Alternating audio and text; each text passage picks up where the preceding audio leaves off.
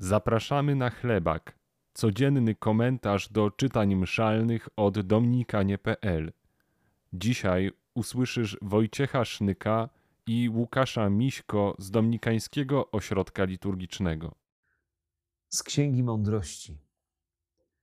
Mylnie rozumując, bezbożni mówili sobie: Zróbmy zasadzkę na sprawiedliwego, bo nam niewygodny sprzeciwia się naszemu działaniu, zarzuca nam przekraczanie prawa, wypomina nam przekraczanie naszych zasad karności.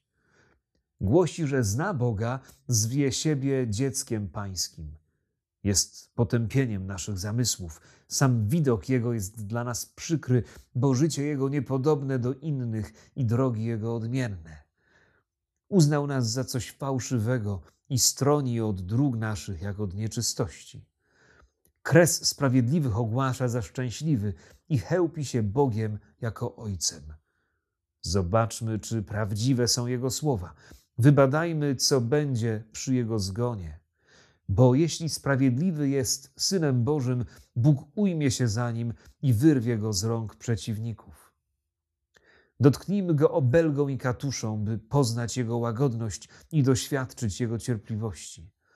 Zasądźmy go na śmierć haniebną, bo, jak mówił, będzie ocalony. Tak pomyśleli i pobłądzili, bo własna złość ich zaślepiła.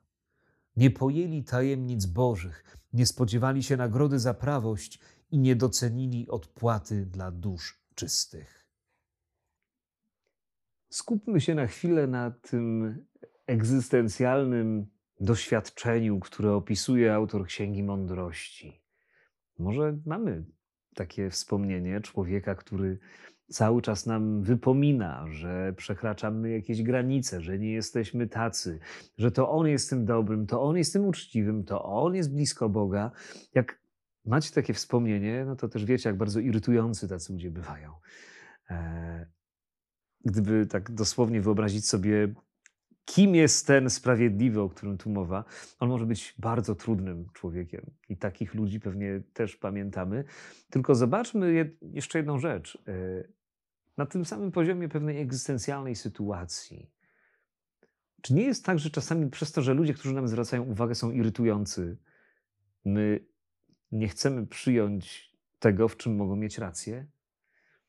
Czy czasami nie zrzucamy na nich tego brzemienia bycia trudnymi, bycia zawsze sprawiedliwymi i przestajemy słyszeć, że być może oni nam mówią coś prawdziwego o nas, że może faktycznie to my przekraczamy prawo, to my łamiemy zasady i być może w tych y, trudnych, sprawiedliwych, nawet jeśli irytujących ludziach, Pan Bóg też nam chce powiedzieć, że pora się nawrócić, że pora zobaczyć nasze mechanizmy, nasze e, własne, no właśnie, może już takie zasiedziałe e, tryby przekraczania zasad, nie bycia wiernymi, nie bycia wrażliwymi. Nie zwalajmy na innych, nawet jeśli są trudni, może mają rację. Posłuchajmy, co nam mówią.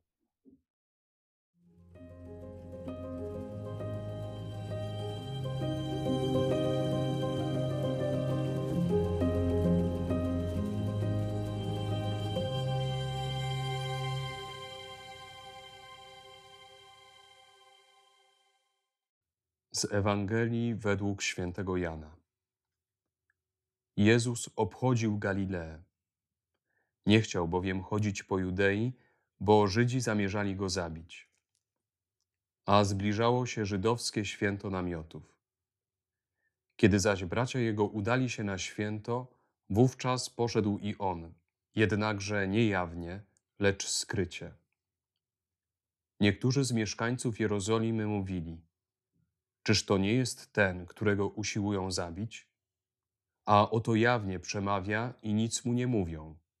Czyżby zwierzchnicy naprawdę się przekonali, że on jest Mesjaszem?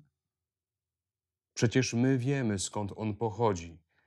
Natomiast gdy Mesjasz przyjdzie, nikt nie będzie wiedział, skąd jest. A Jezus, nauczając w świątyni, zawołał tymi słowami: i mnie znacie i wiecie skąd jestem. Ja jednak nie przyszedłem sam od siebie, lecz prawdomówny jest ten, który mnie posłał, którego wy nie znacie.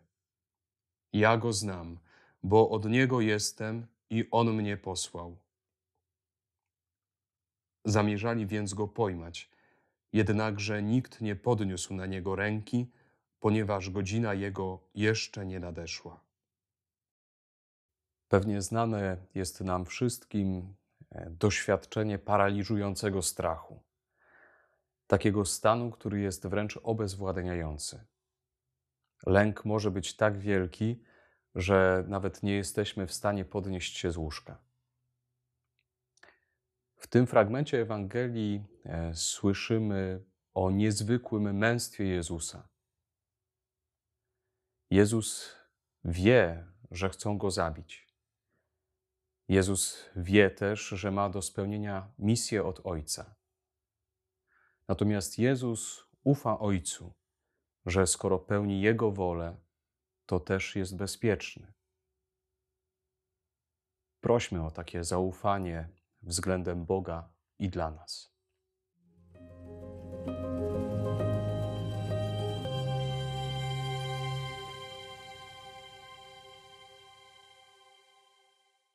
Ta seria nie powstałaby bez wsparcia patronów. Dziękujemy.